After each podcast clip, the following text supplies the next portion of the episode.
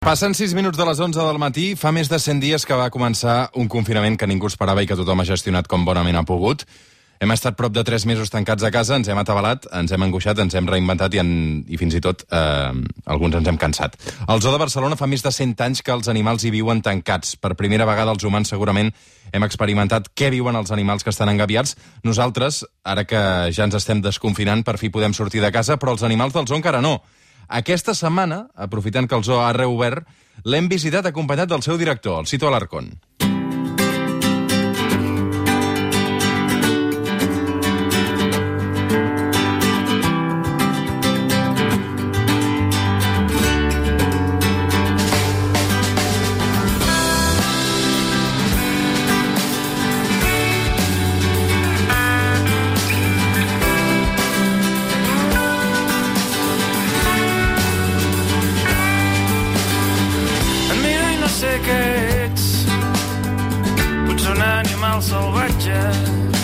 Cito Alarcón, bon dia.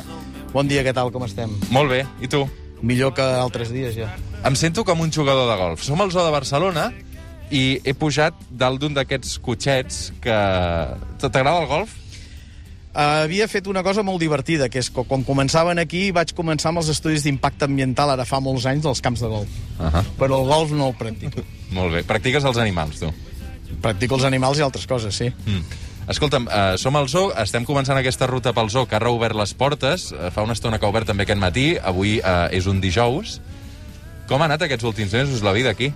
Bueno, la vida està difícil i complicada perquè no ens esperàvem, bueno, jo crec que ningú s'esperava que el dia 14 de, de març sigués aquest estat d'alerta que ens va provocar tots aquests mesos de confinament. Ens pensàvem que nosaltres anàvem a tancar per 15 dies i vet aquí que hem tancat gairebé per 90 i pico dies, no? I, i el que teníem que decidir el primer dia doncs eh, tenia que durar només per 15 dies i ha durat per 90 dies. Ha anat bastant bé. Va, després, vist així, eh, mirant-ho en passat, ha anat bastant bé, les coses han anat bé, hem pogut realitzar el nostre maneig amb els animals, estem satisfets. Clar, d'alguna manera, molta gent, potser, aquests mesos de confinament que hem estat tancats a casa, ens hem sentit com animals del zoo, no? Ens han tancat per obligació a, a casa, a, pràcticament amb moltes restriccions. Potser ens hem sentit com un goril·la del zoo de Barcelona. Uh, sí, sí, sí, és veritat. Uh, fins i tot alguns mitjans de comunicació i alguna premsa escrita i il·lustracions feien que al revés, no? Posaven els animals, i a més a més, com que els animals, alguns d'ells van recuperar el seu ecosistema a les seves zones tròfiques normals, perquè com que estàvem confinats, doncs eh, els porcs senglars, els cabirols, etc van ocupar la ciutat, no? I hem tingut aquesta sensació, sí, sí. Quantes espècies hi ha aquí al zoo de Barcelona? Aproximadament unes 190. mateix? 190 de diferents. I quants animals en total? Uns 1.700, 1.800. Ha, hi ha hagut molta activitat aquests mesos, ho dic perquè, clar, els animals han estat més tranquils sense visites Mm -hmm. i la tranquil·litat a vegades comporta el carinyo, no? per Sí. exemple, sé que els ossos panda, eh, quan, quan estan tranquils, normalment es reprodueixen i quan els observen, no. Sí, uh, el que passa que aquí en el zoo els animals estan acostumats a ser observats. Uh, això no ha estat així. El que sí que ha passat i ha donat la sort o aquesta coincidència és que aquest confinament ha coincidit amb la primavera. I la primavera és l'època de màxima esplendor de la natura i ha passat el que hagués passat en qualsevol altra primavera. En molts dels naixements no ha sigut pel tema del confinament, perquè els embarassos eren molt anteriors. Ara, els animals han tingut molta més tranquil·litat.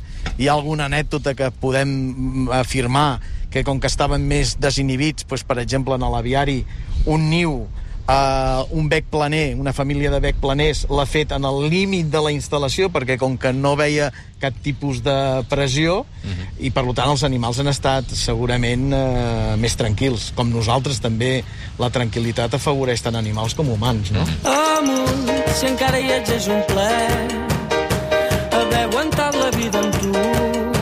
Ens ha ajudat al fons en tot és fosc.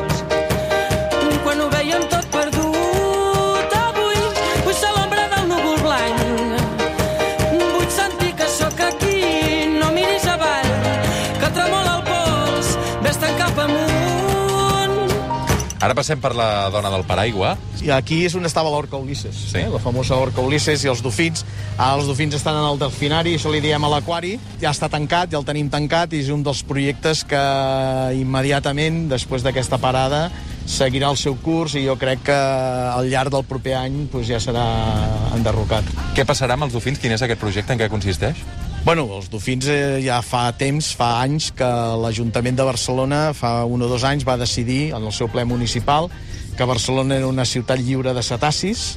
Nosaltres estàvem treballant per buscar una bona sortida als nostres dofins, a un lloc que els tractin tant o millor com ho fem nosaltres, però hem tingut moltes, molts problemes.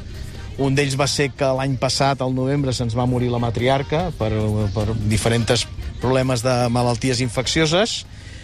Després ha vingut el Covid, que hem tingut que parar tot el tema possible de, de buscar el lloc nou, i a més a més un dels dofins petits, eh, el més petit, el, el Nuic, va tenir un problema respiratori que ja hem solucionat i tot això ha sigut un hàndicap que ens ha fet que no hem pogut traslladar-los encara, no? Però estem fent l'entrenament i espero que properament, ben aviat, eh, puguem complir el mandat de l'Ajuntament de Barcelona. S'han publicat moltes coses sobre la relació entre la Covid-19 i els animals. De Mhm. fet, recordo que fa uns mesos en un zoo de Nova York eh, van trobar un Bronx. tigre al Bronx, correcte, van trobar un tigre que va donar positiu de, de Covid-19. Uh -huh. Què en sabem d'això? Bé, això nosaltres, nosaltres abans de que comencés tot el tema aquest del confinament ja érem conscients de que per, uh, per les característiques del virus i per les característiques uh, com s'estava transmetent, creiem que alguns taxons, algunes espècies, com pot ser els primats, havíem de tenir una, una gran cura. I és per això que nosaltres ja començàvem amb la idea que, per exemple, els cuidadors de primats tenien que anar amb mascaretes per evitar aquesta transmissió. Quan el Zoo del Bronx, eh, molt just al començament, especifica que alguns dels seus felins, no, no només va ser un tigre, alguns dels seus felins han estat contaminats, eh, doncs nosaltres el que vam fer no nosaltres, sinó la comunitat veterinària internacional ens va demanar una sèrie de, de prevencions. A partir d'aquell moment, eh, sempre que nosaltres hem pogut, perquè hem tingut algun tipus d'activitat veterinària amb alguna de les nostres espècies, els hi hem fet les proves. I fins ara, eh, totes les proves fetes eh, tant a, a qualsevol taxó d'animal que hem realitzat ha sortit negatiu. Va quedar clar, i això sí que voldria deixar-ho ben palès, que la transmissió va ser sempre de els cuidadors als animals, no dels animals als cuidadors. On hem arribat ara mateix parlant de felins? Ara estem a la instal·lació del Sahel. La instal·lació del Sahel amb la... Bueno, amb el que són les girafes, els lleons, i allà... En el, bueno, ara no ho veiem, eh, allà hi ha el tema dels elefants, no? Aquí és la instal·lació nova de lleons. I allà, i allà el Parlament.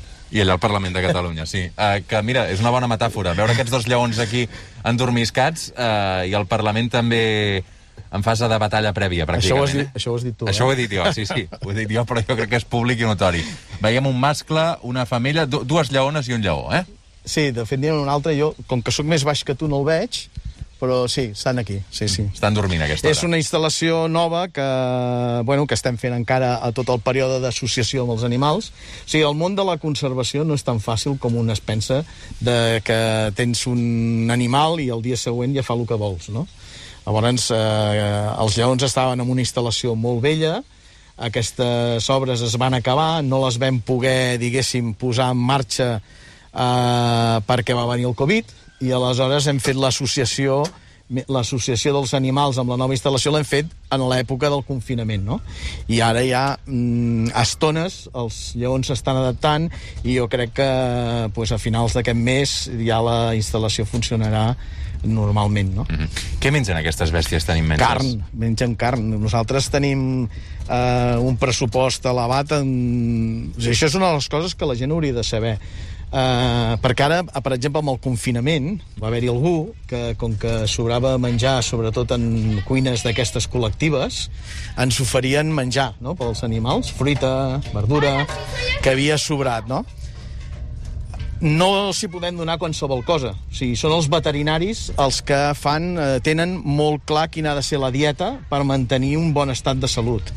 En el cas dels, dels felins, pues, mengen molta carn, sobretot de cavall, gairebé totes les nostres compres, moltes de les nostres compres són a Mercabarna diàriament.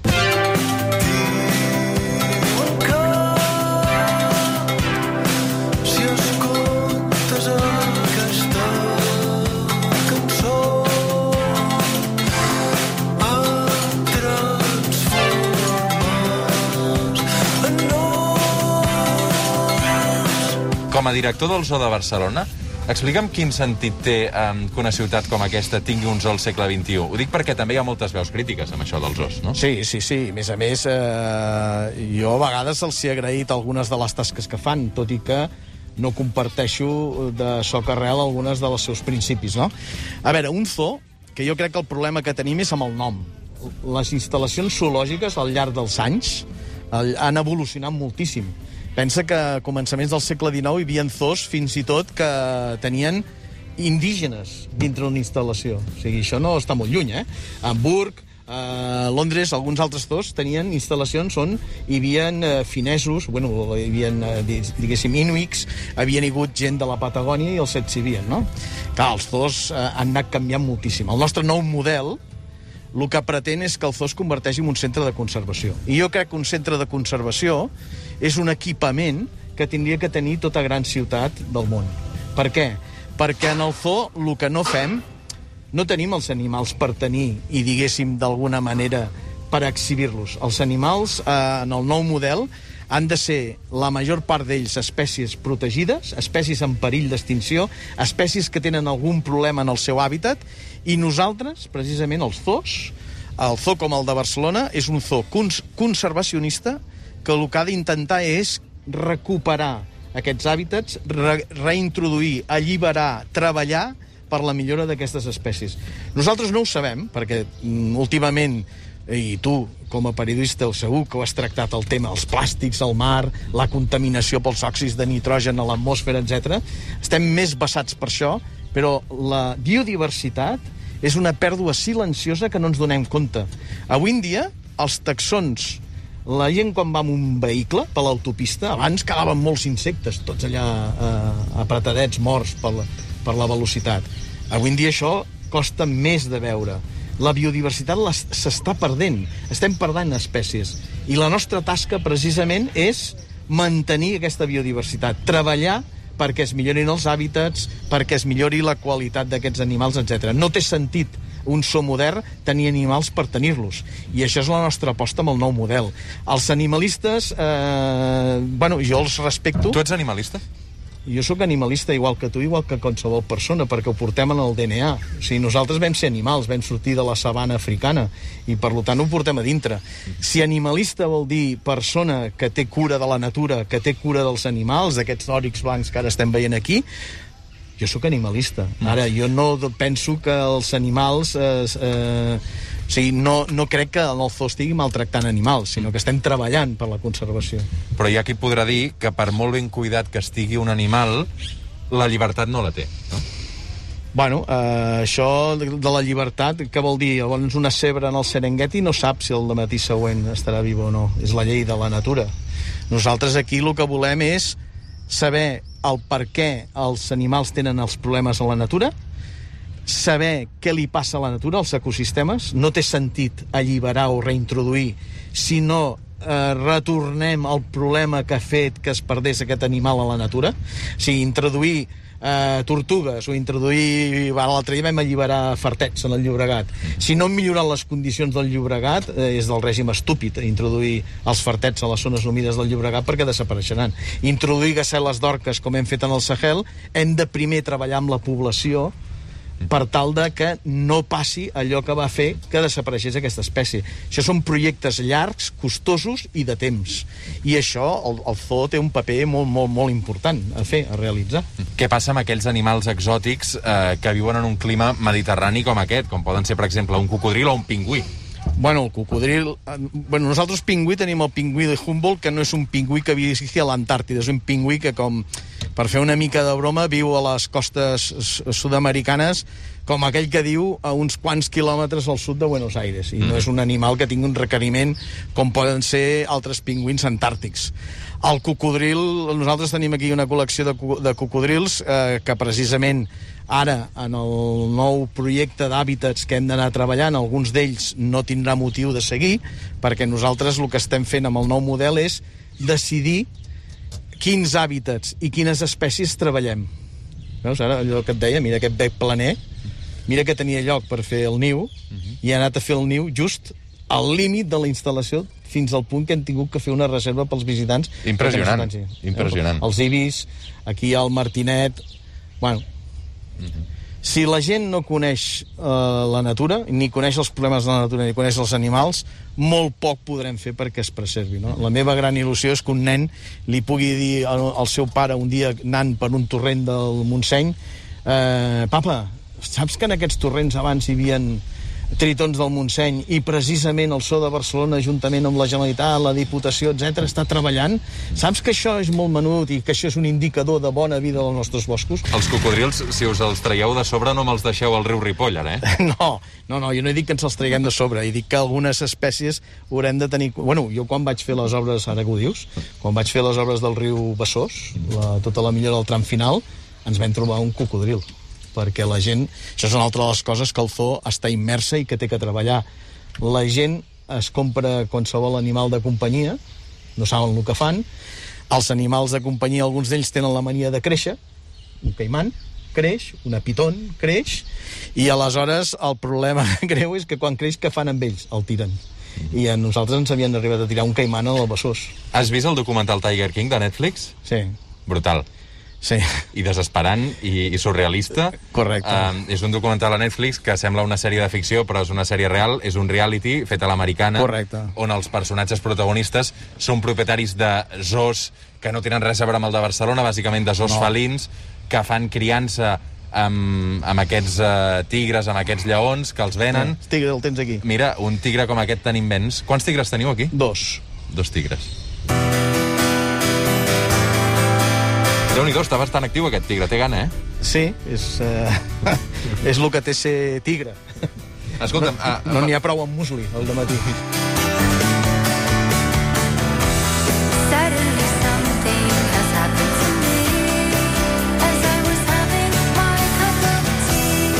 Tornant a, a la qüestió del, de, de la Covid-19, és evident que ve dels animals o no està tan clar, això? Que són els transmissors, perquè s'ha parlat molt del pangolí... Mira, eh, nosaltres, nosaltres ho tenim molt clar. Uh, des de fa dècades estan sorgint... Ahir a la nit, precisament, vaig veure a la tele una pel·lícula que està... Bueno, és americana i tots els americans ja saps que se'ls hi va a vegades la pinça. Uh, que explica molt bé què és això de les malalties infeccioses. El SARS-2, uh, el SARS-1, la grip uh, porcina, l'aviar, uh, l'èbola, uh, el nipà, etc. Les últimes dècades han anat sortint aquestes malalties i és senzillament jo sóc dels que penso que la culpa és nostra.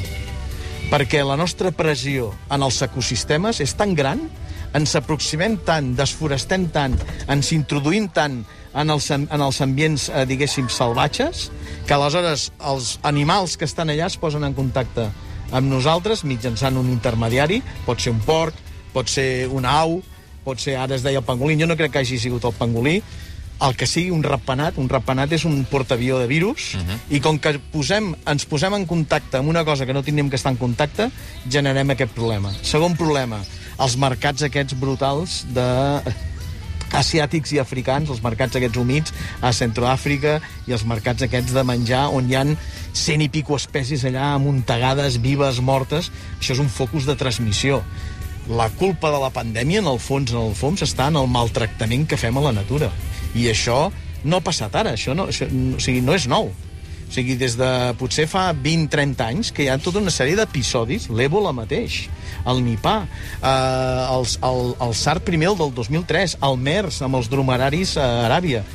Eh, hem de parar de fer aquesta pressió de veritat. Hem d'aprendre dels problemes que tenim i hem de parar de fer la pressió sobre els ecosistemes i aquest tràfic il·legal d'animals que només fa que complicar això. No ens donem compte que som nosaltres la peça que provoca tot això. Som al Suplement, som a Catalunya Ràdio, avui des del Zoo de Barcelona amb el seu director, el Cito Alarcón.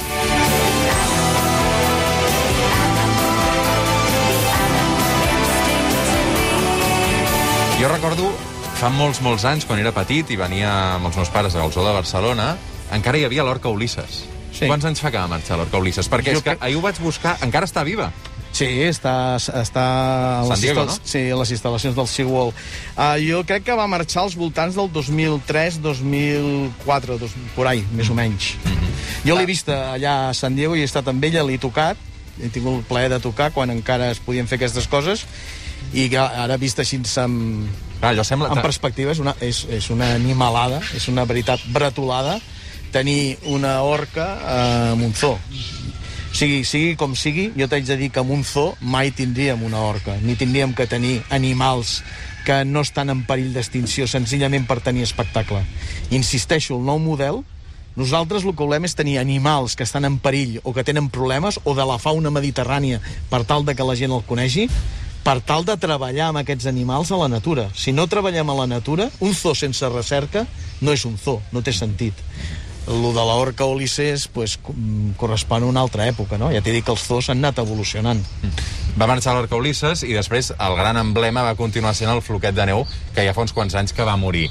Es va quedar sense emblema, segurament, al Zoo de Barcelona, no? Bueno, l'emblema del zoo de Barcelona és, mira, estem passant per aquí, no, aquesta gent està, per exemple, anellant tota la població de gavians i aquí tenim la... Si t'hi fixes a les copes dels arbres, veuràs que tenim la població més gran d'una ciutat europea d'ardèrits, esplugabous, martinets, etc. I això, això és un emblema de la ciutat. El, el, el, la fauna no és només la fauna de les instal·lacions, sinó la fauna local. Nosaltres ens ha de conèixer per lo que fem. Estem treballant amb el Turó. Hem aconseguit filmar per primera vegada les llúdri- una família de llúdrigues en el Besòs, una llúdriga poligonera, perquè ho hem, ho hem trobar en un àmbit de polígons industrials. Aquesta és la nostra tasca. Aquest os bru fa cara de tenir calor, eh? Sí, és probable, sí, sí. Això és una altra de les instal·lacions que en el nou model doncs, hem d'estudiar què és el que hem de fer perquè, evidentment, no tenim una, un, un espai per poder tenir una espècie com aquesta. El Aquest és el Pedro. És el Pedro. El Pedro es diu. Sí, Quants això... anys té? Molts. Els teus i els meus sumats. Aquest és un animal de decomís. Això és una altra de les tasques que fa el zoo. El zoo deu tenir, de totes aquelles espècies d'animals que t'he dit abans, deu tenir un percentatge aproximat d'un 10% que provenen de decomís. És a dir, en algun moment donat, un jutge ha intervingut, ja sigui com en aquest cas que era el Rio León Safari, o a vegades eh, l'últim va ser a Gràcia, aquest, eh, en el confinament es va intervenir en una planta baixa un senyor que tenia cent i pico d'amfibis i nosaltres en tenim aquí una en custòdia. O a vegades ens han entrat ximpancers amb una motxilla pel Prat.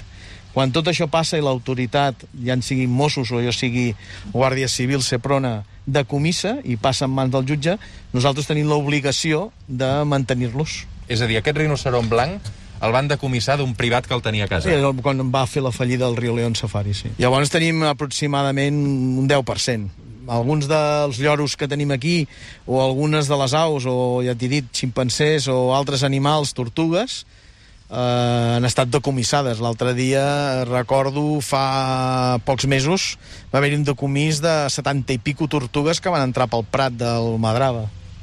Llavors, eh, l'autoritat decideix que el zoo eh, pugui fer-se càrrec. La propietat no és nostra, val? la propietat és de l'administració i nosaltres el que fem és de, pues, ma- per mantenir-los. No? Uh -huh. És una de les coses que hem de lluitar, el tràfic il·legal d'animals. Camps a través, la lluna enfila els arbres, deixa de ser clar. Hora de sopar, demà hi podrem tornar. La gent ha de saber que les instal·lacions d'un zoo no és només donar de menjar o netejar, és fer el maneig, fer l'enrichment, mantenir les qualitats físiques i socials necessàries perquè aquells animals estiguin com el més semblant possible de la natura. I jo crec que això ho hem aconseguit. Tots els biòlegs i tots els cuidadors, evidentment, els estava tancat, però han continuat treballant, no? Hem continuat treballant amb una sèrie de condicions, en grups estancs, per mantenir, diguéssim, intentar evitar els problemes de higiènics sanitaris i han treballat, sí. Arribem a la sortida, en aquest cas a la sortida del, del Parc de la Ciutadella. Eh, tenim el general Prima davant. Eh, ho deixarem aquí. Cito Alarcón, director, moltes, moltes gràcies per aquesta visita guiada avui al Zoo de Barcelona. Que vagi molt bé, molta sort. Un plaer.